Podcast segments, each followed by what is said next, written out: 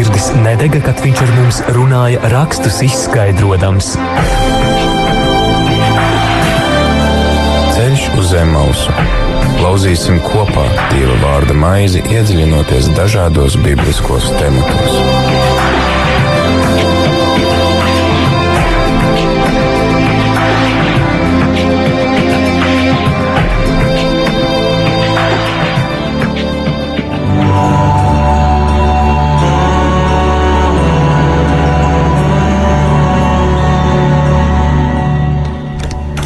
Radījumā arī Latvijas klausītāji ir 4 un 1 minūte 4. 3. septembrī, un laiks raidījumam ceļš uz Zemausu. Varbūt tie, kas klausījāties šo raidījumu iepriekš vai tagad gaidījāt raidījumu laiks īstiem vīriem, tad mums šobrīd tāds, tādas pārmaiņas ēterā ir izmainīts, izmainīta programma mazliet. Ceturtdienās esam samainījušies vietām gan ar uh, laiks īstiem vīriem, gan ar uh, Jāņa Udra uh, raidījumu pasaules tulkošana. Ceļš uz Emausu uh, ir. Uh, mazliet agrāk, tātad mēs esam pulksten četros, kādreiz bijām piecos, un savukārt tad laiks īstiem vīriem, un Jāņa Udra raidījums ir pulksten piecos, kad iepriekš bija uh, raidījums ceļš uz Emmaus. Es ceru, ka uh, šīs pārmaiņas uh, pārāk uh, mūs, uh, uh, kas saka, netraucēs, un mēs ātri pie tām pieradīsim. Ceļā uz Zemausu mēs turpināsim lasīt Dieva vārdu un turpināsim lasīt izceļošanas grāmatu. Mēs pagājušajā sezonā lasījām radīšanas grāmatu, to pavasarī pabeidzām un sākām lasīt izceļošanas grāmatu. Lasījām pirmās nodaļas par, gan par jūdu tautas likteni Ēģiptē, gan par Mūzus aicināšanu, lasījām arī par to, kā Dievs atklāja savu vārdu. Tad turpināsim lasīt, kā izredzētajai tautai gāja sarunu vešanā ar Ēģiptes faraonu, ar, ar visām šīm Ēģiptes mocībām, Te arī tas bija tātad desmit mocības, ar kurām Eģiptes tautai nācās saskarties pirms tā atlaida izredzēto tautu no verdzības. Tad nesen tādi asprātīgi katoļu portāli pandēmijas kontekstā bija izveidojuši tādu bildi ar aprakstu, kur ir Eģiptes faraons Un tāds uzraksts, ka tāda lūk ir Eģiptes faraona seja, kad jūs sūdzaties par vienu nu, šo uh, slimību, ja, kur uh, mēs zinām, ka eģiptiešiem bija jāpārdzīvo veselas desmit, un uh, viena par otru traģiskākas. Uh, tā kā šajā raidījumā mums parasti tad uh, šajā raidījumā ir viesi, ir uh, dažādu konfesiju mācītājs. Šoreiz es eh, būšu šajā raidījumā viens pats un uh, došu tādu nelielu uh, pārskatu par izceļošanas grāmatu, par to, kas tajā atrodams un kas ir gaidāms, ko mēs tad arī turpināsim lasīt. Tā kā, ja gadījumā tev ir klausītāji kādi jautājumi par izceļošanas grāmatu, droši tad zvani uz numuru 679 69 131 vai arī raksti īziņas uz numuru 266 77, 272, vai arī raksta e-pastu uz studijāt rml.lv. Ja gadījumā tie jautājumi skar kādu konkrētu rakstu vietu, tad noteikti to piefiksēšu, lai varam atbildēt tad, kad mēs būsim nonākuši līdz šai rakstu vietai. Un mēs, ja gadījumā ir kādi citi jautājumi, tad, tad arī mēģināšu uz tiem atbildēt tagad pat šajā raidījumā. Tālūk, tad šodien tāds neliels vispārīgs ieskats, at, atsveicinot atmiņā, kas ir izceļošanas grāmata un par ko tā ir.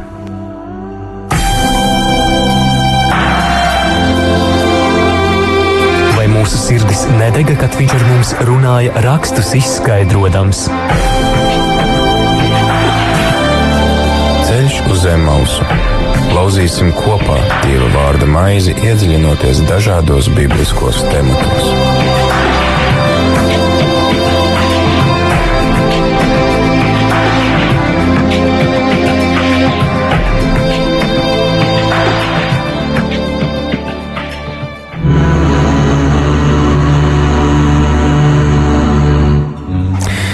Tātad izceļošanas grāmata tā ir otrā grāmata pēc uh, secības uh, mūsu uh, Bībelēs, svētajos rakstos.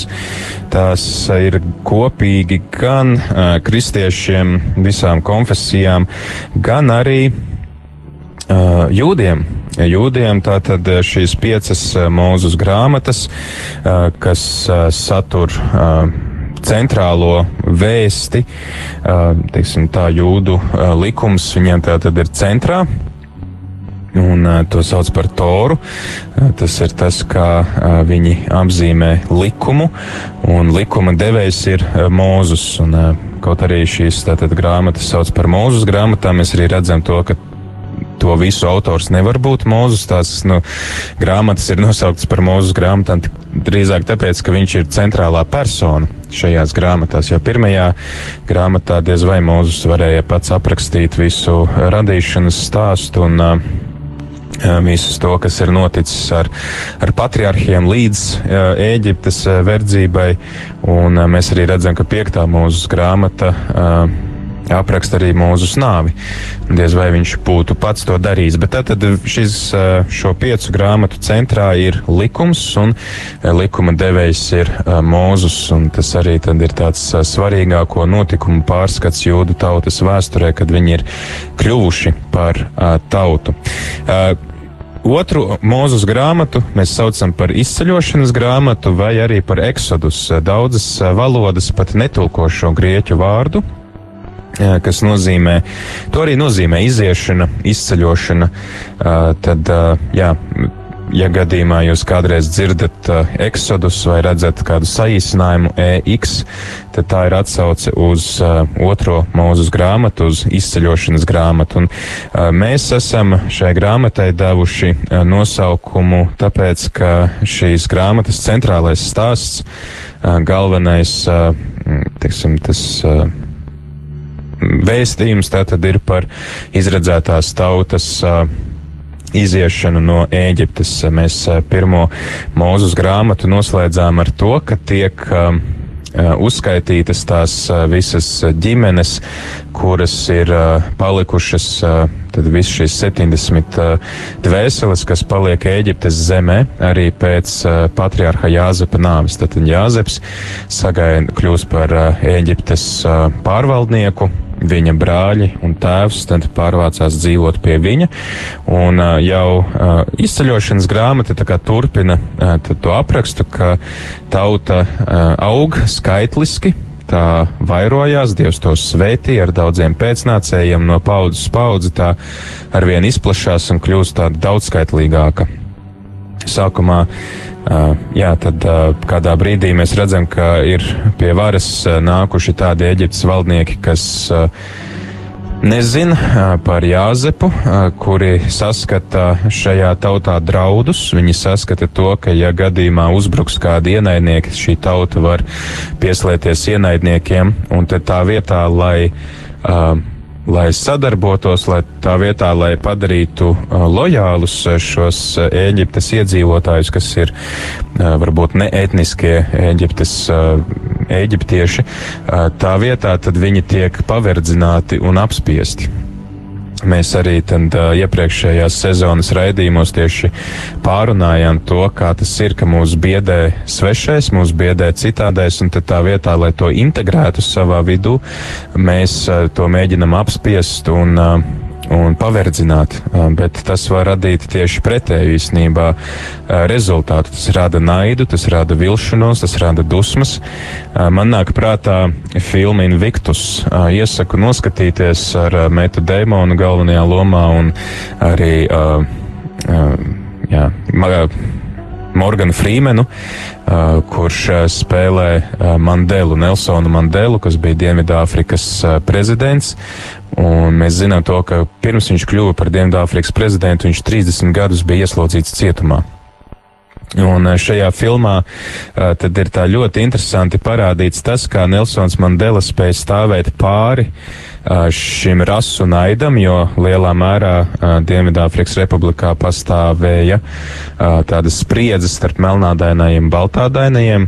Un iepriekš tad baltādainie bija tie, kas bija no, nu, kontrolējuši visus likumus un uh, visu sabiedrisko iekārtu. Viņi arī bija tie, kas, uh, nu, teiksim tā vispārinot, ja varētu teikt, ka tie bija tie baltie, kas ielika Mandēlu cietumā. Un tad, kad viņš kļūst par prezidentu, tad visiem savukārt melnādainiem ir tāda sajūta, nu, ka tagad, līdz ar viņu mēs tagad visi melnādainie pārņemsim no baltajiem to visu valsts pārvaldi, visu, visus autoritatīvos šos uh, posteņus, un, un tagad mēs, nu, varēsim atriepties baltajiem. Tas, ko dara Mandela, viņš saka, nē, mēs nedrīkstam apspiest uh, šos cilvēkus, ar kuriem mums ir jādzīvo kopā, pat ja viņi mums ir darījuši pāri.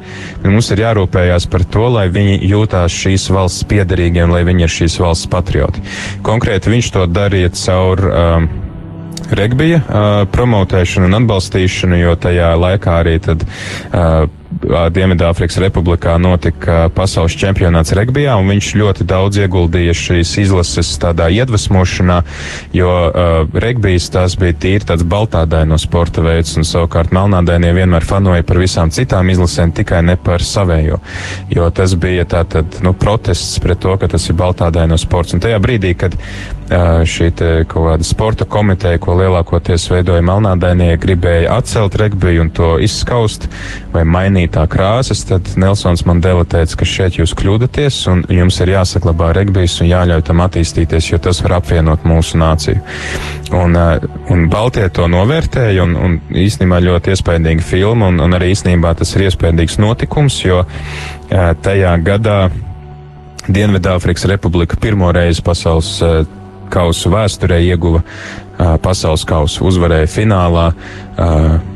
Eh, Jaunzēlandes komandu, un neviens to negaidīja. Neviens pat negaidīja, ka viņi tiks no grupas ārā tajā gadā.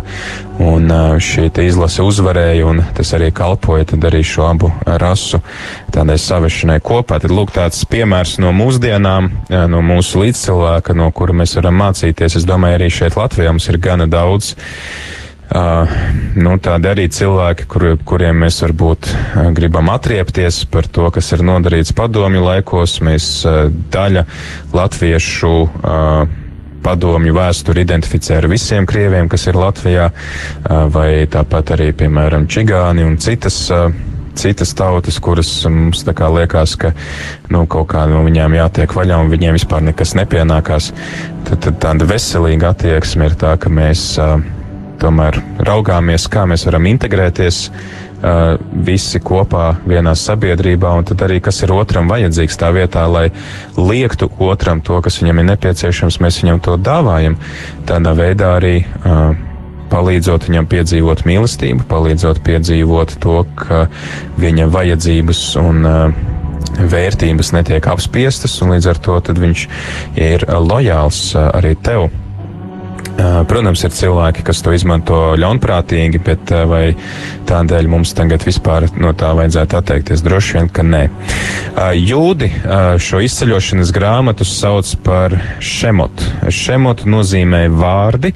Atceramies, ka tad, kad mēs runājām par radīšanas grāmatas ievadu, tad mēs runājam par to, ka Genesis, tas ir tas grieķiskais nosaukums, ja radīšanas sākums ir grāmatas pirmais vārds, un ar to pēc tā tad arī ir attiecīgi grāmatas nosaukums. Joprojām to pra, turpina praktizēt, piemēram, pāvesti. Ja pāvests izdod kādu dokumentu, tad šī dokumenta nosaukums būs tie pirmie vārdi, ar ko dokuments sākās. Piemēram, pēdējais pāvesta Franciska dokuments Kristus dzīvo sākās ar vārdiem Kristus vivit.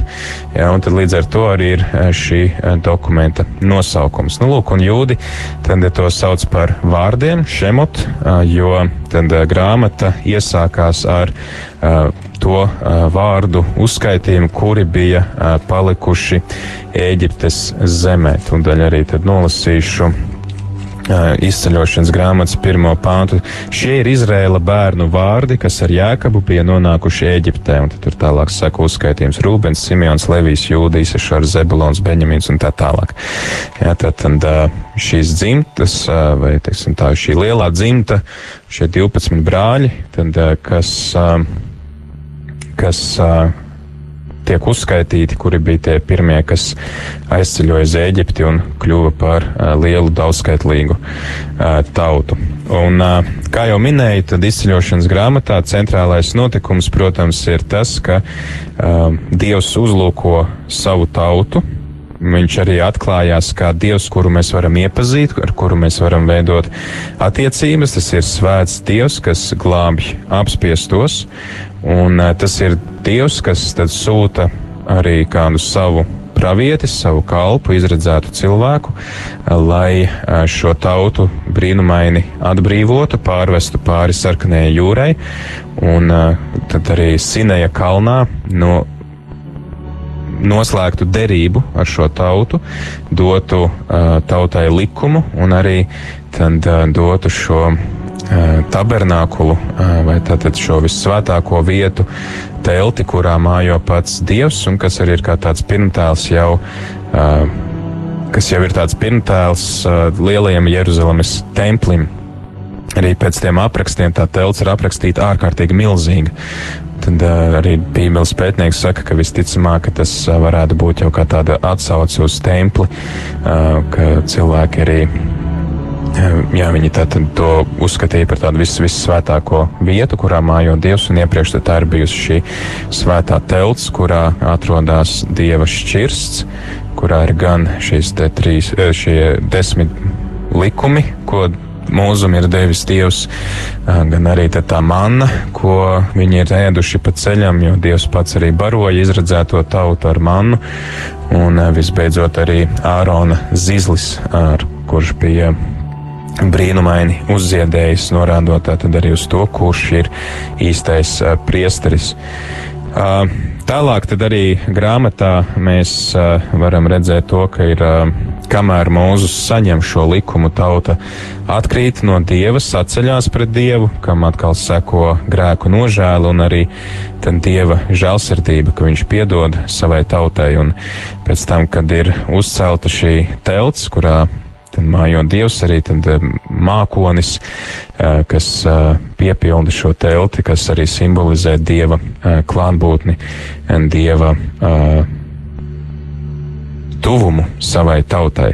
Un tajā brīdī, kad tiek noslēgta derība starp dievu un tautu, kad tiek saņemts likums, tad to arī jūdi uzskata par savas tautas dzimšanu, tas arī ir tas brīdis, kad uh, kļu, jūdi kļūst par tautu, un ka viņi ir arī nonākuši tādās unikālās attiecībās ar Dievu, kādās nav neviens cits, neviena cita tauta, un kad viņi ir Dievam izredzēta svēta tauta, svēti cilvēki.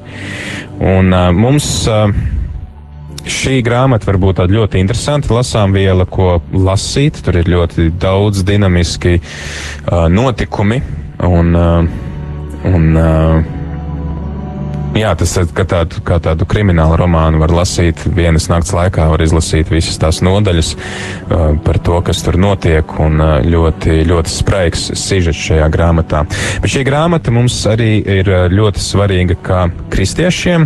Arī šodien, lasot jauno derību, mēs daudz ko varam saprast tikai tad, ja mēs esam lasījuši uh, veco derību, īpaši izceļošanas grāmatu, bet par to pēc dziesmas. Música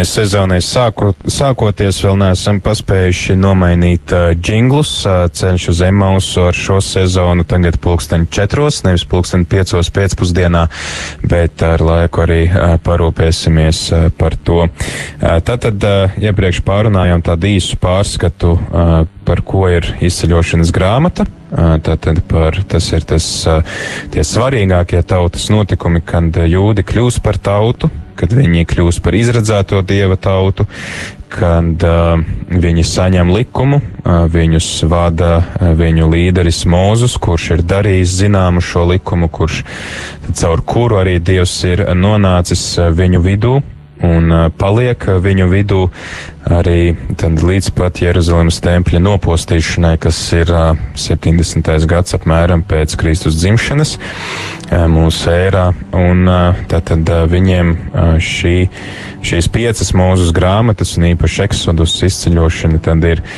visa, visa svēto rakstu kanona centrā. Tāpēc arī tās atrodas pašā sākumā, jo tās ir pašas svarīgākās viņiem. Mēs varam teikt, kas ir svarīgs jūdiem, mums varbūt vairs nav tik aktuāli, jo mums taču ir Kristus, mums ir jaunā derība, mums ir evaņģēlijs, jā, bet eh, mēs redzam to, ka šī grāmata ir bijusi būtiska arī Jēzus mācībai. Piemēram, mēs atšķiram Mateja evaņģēlija piekto nodaļu, kur ir kalnas prediķis, tad no 21. panta mēs lasām, jūs esat dzirdējuši, ka vecajiem ir sacīts, ja tev nebūs nokaut un kas nokauj, tas sodāms tiesā, bet es jums saku, tad arī tur dažādi ir šie te es jums saku, es jums saku, jūs esat dzirdējuši, bet es jums saku. Jā, Vai, piemēram, arī ā, nu, Mateja evaņģēlīja 15. nodaļa, 4. pāns, kur ā, Jēzus saka, jo Dievs ir pavēlējis godā savu tēvu un māti, un kas tēvu vai māti nolātām būs mirt. Tātad Jēzus atsaucās diezgan bieži uz izceļošanas grāmatu, uz likumu, un kas ir interesanti, ka viņš arī tiek salīdzināts, jaunās derības autori apzināti viņu salīdzina kā ar jauno mūzu. Tad, teiksim, tā lasot uh, stāstu, izceļošanas stāstu un lasot uh, mūzus stāstu, mēs zināmā mērā varam redzēt, ka tas jau ir kā pravietojums par Kristu. Uh, tā viņa brīnumainā dzimšana, Jā, viņa tādā varbūt arī absolūtā tādā nabadzībā, un viņu tur atrod, audzina, viņš pēc tam tad dodās tuksnesī ilgu laiku, pavada tuksnesī arī Jēzus 40 dienas pirms savas publiskās darbības pavada tuksnesī. Tad, piemēram, Mūzus, kas kalnā saņem uh, dieva likumu un māca tautu un noslēdz ar derību, uh, ar tautu derību. Uh, tātad šajā Sineja kalnā Jēzus uh, kalnā māca tautu, uh, padziļinot šo mācību, jo šis slavenais kalnas prediķis, uh, viņš arī bieži ir. Uh, tādā nu, autoritatīvā pozīcijā, kā iepriekš ir bijis tikai Mūzus. Un uh, arī piektā mūzes grāmata noslēdzās ar to, ka es jums došu pravieti kā Mūzus, un tad, tiksim, tā jaunās derības autori, evaņģēlija autori, viņi redz, ka šis pravietojums ir piepildījies, ka tā tad ir šis jaunais Mūzus, kas mūs arī ved pāri sarkanajai jūrai, ved ārā no verdzības un ved uz apsolīto zemi. Ja toreiz tas bija tādā fiziskā laikā un telpā, tad šodien tas notiek tādā garīgā veidā. Uh, ka Jēzus viņš ienāk um, mūsu grēkā. Teiksim, Eģipte būtu simbols tam grēkam, kas mūs paverdzina, kas mūs pakļauj, kas mums neļauj justies brīvi, un viņš uh, mūs ved caur kristības ūdeņiem, ja, caur kristības ūdeņiem, līdzīgi kā caur sarkano jūru, uh, viņš mūs, uh, viņš noslīcina eģiptiešus, viņš noslīdzina uh, grēku un uh, dod mums uh, jaunu dzīvi, kas, protams, ir kā svētceļojums. Mēs tālāk svētceļojam un dodamies uz apsolīto zemi. Apsolītā zeme, šī dieva valstība, kas jau ir mūsu vidū, bet kuru mēs pilnībā varēsim baudīt laiku beigās, kad Kristus nāks otro reizi pāri pasauli. Un tad mēs Esam kā šī izredzētā tauta, kas svētceļo cauri tūkstnesim, piedzīvo dažādas grūtības, piedzīvo jā, arī dieva brīnumus, dieva rūpes par sevi un arī. Um, nu, nākās arī kādreiz piedzīvot to savu vājumu, savas nepilnības, savas kļūdas, ka mēs novēršamies no Dieva, un tad atkal Dievs par mums apžēlojās un dāvā mums uh, iespēju sākt no jauna un turpināt uh, šo ceļu. Tā kā faktiski tad viss izceļošanas stāsts ar visu to traģēdiju, kas tur ir, un ar visu šo dinamiku. Tas arī zināmā mērā ir stāsts par kristiešu dzīvi pēc kristībām, ejot uz mūžību, ejot uz apsolīto zemi. Tāpat tad Jā, tātad lasot svētos rakstus, lasot jauno derību, Jēzu, kas ir kalnā, tātad jūdi, kas kalnā sastop Dievu, kas saņem likumu. Šī mākoņa klātbūtne, arī mākonis, kas piepilda telti, kurā mājo Dievs. Dieva klātbūtnes apziņa arī mākonis, tad, kad Jēzus uh, parādās saviem mācekļiem apskaidrošanās laikā, vai mākonis, kas uh, piepilda um, Vai arī jā, parādās, ka Jēzus uz mākoņa aizbrauc debesīs kāpšanu 40 dienas pēc savas augšām celšanās. Tad arī šīs uguns mēlis, kas nolaida, nolaižās, ja tas uh, ugunīgais staps, kas pavada izredzēto tautu, kas ir kā dieva klātbūtnes zīme. Arī šodien, piemēram, skatoties ārā pa logu uz mākoņiem, mēs to varam arī nu, kā tādu simbolu apzināties to, ka Dievs ir kopā ar mums un viņš mūs pār pavada. Tāpat tad templis. Ja, tā tad runājam, cik svarīga ir šī vieta, kalns, tūkstnesis, Mūzus kā, jau, kā Kristus pirmtēls vai Kristus kā jaunais mūzus, sarkanā jūra, kristības simbols, tad ceļojušana uz apsolīto zemi, mūsu dzīves ceļš uz uh, mūžību. Uh, tāpat arī tad, uh, šis uh, templis, vai sākotnēji tā ir tā telts, kurā mājo Dieva klātbūtne, un šodien uh, mēs uh, runājam par to, ka visi kristītie ir Dieva baznīca. Uh, tas ir tas jaunais templis, kuru Kristus būvē. Mēs arī atceramies, viņš par sevi teica, nojauciet šo templi, un es to trīs dienās atkal uzcelšu tad uh, viņa šī mistiskā miesa, par kuras locekļiem kļūst tik viens kristītais. Mēs visi esam apvienoti un vienā Kristus miesā arī apustulis Pāvils vēlāk izmanto šo, gan šo tempļa salīdzinājumu, gan miesas salīdzinājumu. Varam palasīt, piemēram, vēstuli korintiešiem, kur viņš runā par to, ka jūs esat Dieva celtne, kuru ceļ Kristus, jūs esat Kristus miesa un ka katram ķermeņa loceklim ir kāds īpašs uzdevums, kāda īpaša misija, ko veikt, un mēs visi esam līdzdalīgi šajā templī, līdzdalīgi šajā misijā, ka mēs esam tie, kuros mājo Dieva gars. Mums vairs nav jāiet uz templī kaut kur Jeruzalemē. Mēs varam sastapt Dievu savā sirdī, mēs varam sastapt Dievu viens otrā, un mēs kopā tad veidojam šo Dieva baznīcu, šo Dieva templi, caur kuru viņš mājo tad arī pasaulē. Viņš joprojām izvēlās būt uh, tautas vidū, viņš joprojām izvēlās būt pieejams cilvēkiem, un šodien tas noteikts ar kristiešiem. Šodien caur kristiešiem kungs izvēlās būt uh, pasaules vidū, un caur kristiešiem viņš izvēlās darboties, caur kristiešiem viņš izvēlās tad, uh, turpināt pestīt un glābt pasauli. Un tad no mums ir atkarīgs tas, vai mēs pieņemam šo žēlastību paši pirmkārt, un otrkārt, vai mēs ar šo žēlastību sadarbojamies un mēs ļaujam Dievam izmantot mūsu rokas, kājas, mūsu mēli, mūsu zināšanas, mūsu laiku. Tas, ko apustulis Pāvils saka, veltiet savu miesu kā patīkamu upuri dievam. Lūk, tad šie, šie simboli, šie tēli no izceļošanas grāmatas mums ir arī būtiski lasot jauno derību, lasot evaņģēliju, lai to saprastu, jo tad Jēzus viņš arī nedarbojās kaut kā atrauti no sava laika kultūras, no sava laika domāšanas, no tās mentalitātes, un tā laika mentalitāti ļoti spēcīgi veidoja tad šī te tora, piecas mūzes likuma grāmatas. Un, tad, lai saprastu Jēzus teikto vai saprastu to vēstījumu visā pilnībā, ko viņš ir gribējis nodot, mums ir arī jāpārlasa vecā derība, un mēs to varēsim šajā raidījumā darīt, lasot izceļošanas grāmatu.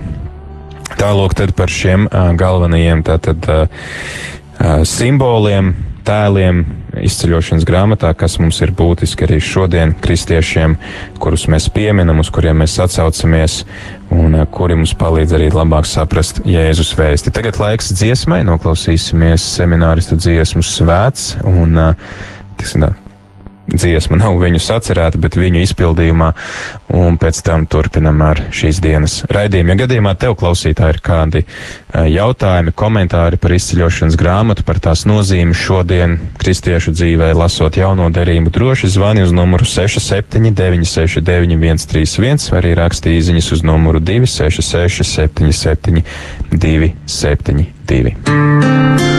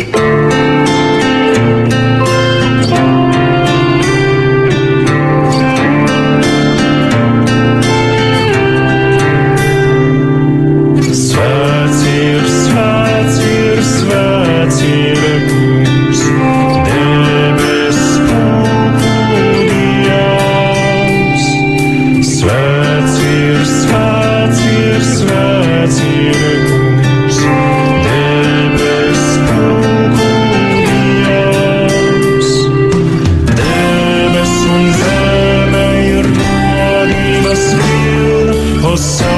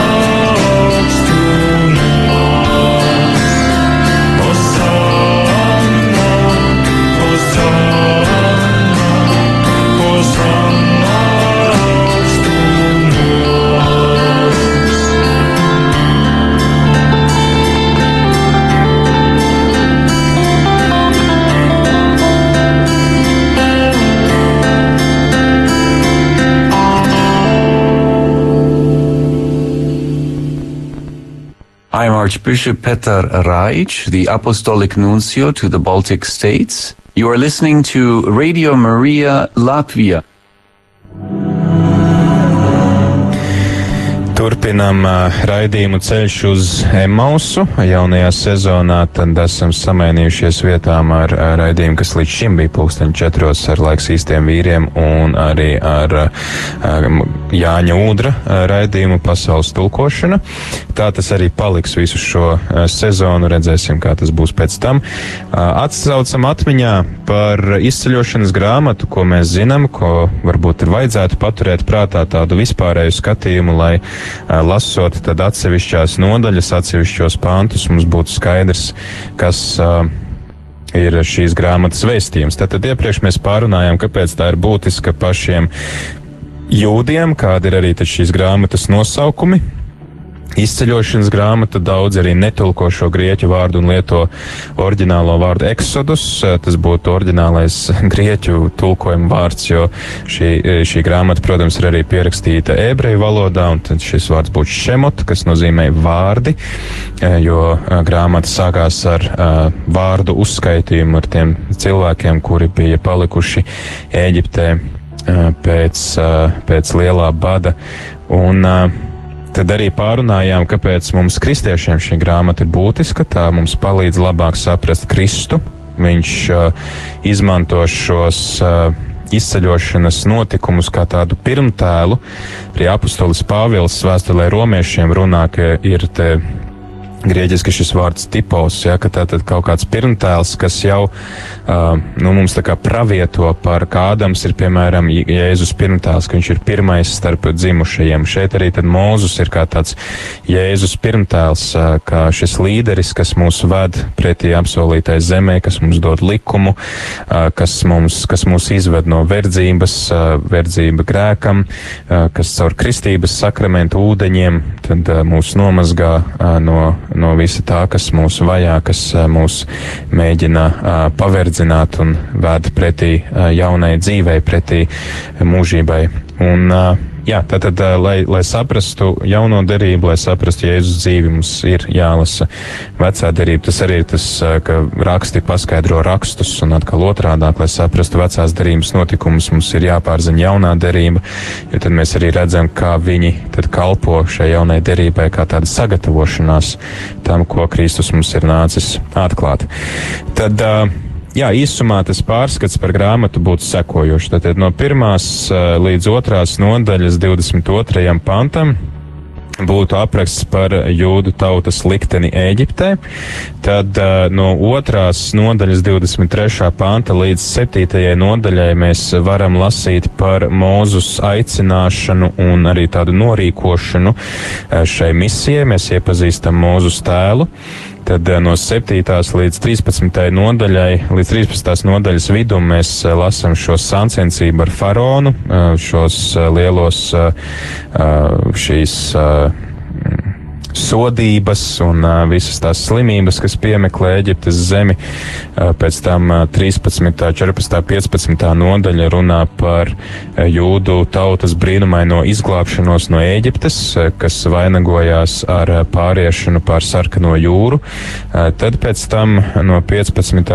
Uh, nodaļas 22. panta līdz 18. nodaļas 27. pantam uh, ir uh, aprakstīts ceļojums pa Sinaja tūkstnesi. Un 19. līdz 31. nodaļa runā par likuma došanu, par derības noslēgšanu starp tautu un dievu Sineja kalnā. Un tur mēs arī lasīsim tos uh, traģiskos notikumus, ka tauta novēršās uh, no dieva, sāk izliet sev kādu citu tēlu, uh, ko pielūgt, un atkal tad, uh, ir samierināšanās ar dievu. Uh, Tas ir 32. līdz 34. nodaļā.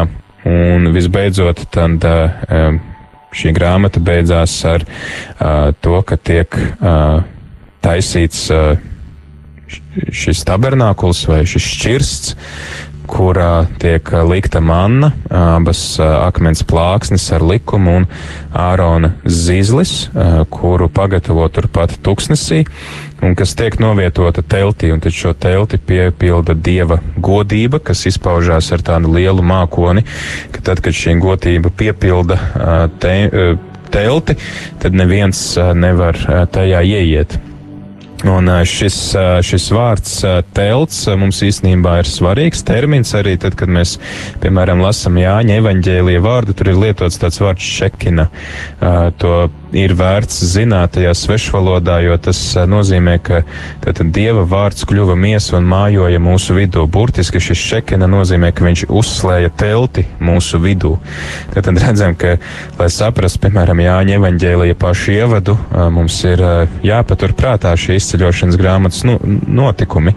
Dievs, kas mājo teltī, arī īstenībā līdz pat Sālamana laikam, arī Dāvids saka, kā tas var būt, ka es dzīvoju pilī, bet uh, kungs atrodas teltī un, un uh, tikai Salamanam ir atļauts uzcelt templi dieva godam, tad uh, jā, šie vārdi Jāņa evaņģēlijā atsaucās uz to, kas notiek izredzētais tautas laikā, šī tūkstneša ceļojuma laikā, kad Dievs izslēj, uzslēj telti pats sev cilvēku vidū un ka viņš ir mūsu vidū. Vēl tāda svarīga lieta, kam ir vērts pievērst uzmanību, ir eh, tas, ka eh, mums eh, arī šodien ir ļoti svarīga atziņa, ko atklāsmes grāmata mums atklāja, tas, ka Dievs atklāja savu vārdu. Un, Ko nozīmē tas, ka viņš atklāja savu vārdu? Tas nozīmē, ka viņš kļūst mums pieejams, ka viņš vēlas būt attiecībās ar mums, ka viņš nav kaut kāds tāds dievs, kuru mēs nevaram uzrunāt, kura vārdu mēs nevaram izrunāt, jā, bet ka viņš ir tāds, kurš atklāja mums savu vārdu. Atklāt savu vārdu jūdu kultūrā mums tas varbūt nenozīmē neko tik daudz, nu, Pēteris, Pēteris, bet jūdu kultūrā katram vārdam ir kaut kāda nozīme. Atklāt savu vārdu nozīmē arī atklāt savu identitāti, atklāt to, ka tagad tu vari ar mani veidot attiecības. Jo es nevaru veidot attiecības ar cilvēku, kura vārdu es nezinu, piemēram, kā es viņus laiku uzrunāšu jau tu. Jā, bet um, ir tāds arī stāsts par uh, mazbērniem, kas uh, prasa savam vecstāvam. Viņš saka, kā, kā tev tā izdodas nu, mīlēt to mūsu vecmāmiņu, ka pasties vēl tagad tādā sirmā vecumā, viņu sauc tur par saulīti un par mīļumiņu. Un tā tā viņš saka, ziniet, mazbērnis īstenībā jau trīs gadus esmu aizmirsis, kā viņš sauc, man vienkārši ir bail paprasīt. Uh, bet, uh, Jā, tad, tad normāli, piemēram, satieku svešu cilvēku, un ja es nevaru viņu uzrunāt, tas arī rada tādu distanci starp mums, bet ja otrs man atklāja savu vārdu, un es varu viņu saukt vārdā, tas uh, mūs satuvina. Protams, ka tas arī pakļauj riskam, ka mans vārds tiek izmantots nelietīgi, ka mans vārds uh, tiek um, izmantots. Uh, Jā, mēs arī redzam, piemēram, kā mēdījos mēdz, vai arī mēs paši, kad aprunājam kādu cilvēku, kā mēs šo vārdu nicinoši iz, izliet, izmantojam un uh, to piesaucam, kas uh, var arī otra cieņu nu, graut. Un līdzīgi arī Dievs sevi pakļauj zināmā mērā riskam, ka viņš atklāja mums savu vārdu. Un šis viņa vārds Jahve Mēs īstenībā nezinām, kā pareizi šo vārdu izrunāt, vai tas būtu Jahve vai Jehova, jo jūdi pieraksta tikai līdzskaņus, viņi nepieraksta patskaņus, un šie vārdi, tad šis, šie burti, Jehvh, nozīmē, es esmu tas, kas esmu, vai tas, kas ir. Un, jūdi, tad arī dievu viņi saka, tas ir svēts, tas ir dieva vārds, un mēs to nedrīkstam izmantot, mēs to nedrīkstam ņemt savā mutē, jo pirmkārt mēs paši nesam gana cienīgi, lai uzrunātu uh, dievu, lai sauktu viņa vārdu, un otrs arī tas, lai nedod dievs mēs viņa vārdu piesauktu nevietā, tad mēs vispār šo vārdu neteiksim, un tāpēc arī īstenībā šo, šī vārda izruna mums ir aizmirsusies, jo vienkārši daudzu tūkstošu gadu garumā šis vārds ir bijis tikai pierakstīts uh, līdzskaņu formā. Bet tas, kā uh, jūdi tad uh, vecajā derībā apzīmē dievu, ir L. Piemēram, arī uh, visi tie vārdi, kas, ir, uh, kas beidzās ar šo vārdu L, Mihael, uh, Joel, um, Izraēla. Ja, tas nozīmē, ka tātad šajā vārdā ir iekļauts uh, vārds uh, Dievs. Uh, tas būtu, teiksim, dievība jā, vai, vai dievs, bet nevis, ar, nu jā, tā, tad nevis tādā. Um, tas dieva vārds, kas ir Jahve, bet vienkārši pats, pats dievs. Jā, tā tad mums dievs arī ir arī ar vārdu dievs. Bet tad, tad izvairoties saukt viņa vārdu Jahve, jūdi viņu sauc vienkārši par dievu. Vai Elohim ir otrs vārds, kā viņi sauc dievu. Arī tas var būt daudzskaitlis, kā apzīmē jūdi, teiksim, to saprot tā, ka nevis būtu vairāki dievi, bet viņi to saprot tā, ka šis Elohim apvieno, ka ir viens dievs, kurš apvieno sevī pilnīgi visus dievišķos atribūtus. Viņš ir bezgalīgs, viņš ir visu zinošs, viņš ir visu radošs, visvarens un tā tālāk. Viņam nav, mums nav vajadzīgs panteons, lai salasītu visas, teiksim, dievu īpašības, salikt kopā, ka tas viss pieder uh, viņam. Tātad uh, tas būtu nu, šis. Uh, Jā, tātad vārds, kas, kas apzīmē Dievu, būtu vai nu El vai Elohim. Jahve tad būtu jau personu vārds. Un bieži vien tad arī šo vārdu Jahve viņi aizvieto ar Adonai, ar kungs. Mēs arī varam arī jaunajā derībā redzēt, sastapt šo vārdu Adonai, ja mēs to lasītu oriģinālu valodā. Tas Jā, burtiski tas nozīmē kungs. Un, uh, Mēs arī, piemēram, lasot psalmus, mēs varam bieži vien redzēt, jā, ka kungs sacīja manam kungam. Jā, ka cilvēki tātad, lai, lai neuzru, neizrunātu dievu vārdu nevietā, viņi vienkārši uzrunā par kungs. Un tāpēc arī, kad Jēzu sauc par kungu, tad īstenībā mums ir jāpatur prātā, ka šo Adonai, šo vārdu kungs piedēvē dievam. Un eh, mums varbūt latviešu valodā tas ir vienkārši tāda cieņpilnas uzruna, kungs eh, Jēzu vai tāds un tāds kungs. Ja, bet uh, jūdu gadījumā šis vārds, tiksim, šī uzruna Jēzum kungs nozīmē to, ka tie cilvēki viņu sauc par uh, dievu, par Jahvi vai par El vai Elohim. Uh, tad šis vārds Adonai. Tad, tad arī atkal lasot jauno derību, mums var noderēt šīs vecās derības zināšanas par jūdu uh, tradīciju, kā viņi piesauc dieva vārdu un kā viņi apzīmē dieva realitāti, lai arī nevietā nelietotu dieva vārdu. Tālāk, tāds ievads šajā raidījumā par uh, izceļošanas grāmatu. Ceru jau, ka nākamā ceturtdiena mūsu vidū jau būs kāds viesis, kas uh, labprāt arī dalīsies uh, savās zināšanās par um, izceļošanas grāmatas kādu konkrētu rakstu vietu, ko mēs tad tā pamīšus arī lasīsim vienu pēc otras pa maziem gabaliņiem, lai varētu tad arī iedziļināties tajā tekstā to izprast labāk un tam arī saskatīt, kā tas iedvesmo mūs šodien, kā tas mūs uzrunā šodien un kā tas ietekmē mūsu dzīvi šodien, mūsu attiecības. Tā kā es ceru, klausītāji, ka tu izbaudīsi šo raidījumu, ka tas tev būs noderīgs un arī ļoti, ļoti ceru uz tavu iesaistīšanos šajā raidījumā, lai man nav vienam pašam jārunā ar viesiem, bet ka tā ir tāda saruna plašākā lokā ar visiem tiem, kas klausās. Paldies jums par uzmanību šodien. Tagad jau pavisam, pavisam drīz pulksten piecos dodu vārdu raidījumam Laiks īstiem vīriem. Raidījuma vadītājs Mārtiņš jau ar viesi ir šeit un gatavojās citīgi raidījumam, lai satiktos ar jums klausītāji. Tā kā palieciet pie saviem radioaparātiem un gaidiet īstus vīrus šeit, Radio Marija ēterā.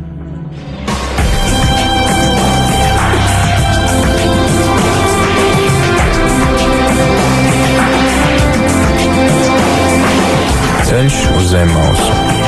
Katru ceturtdienu, 2017.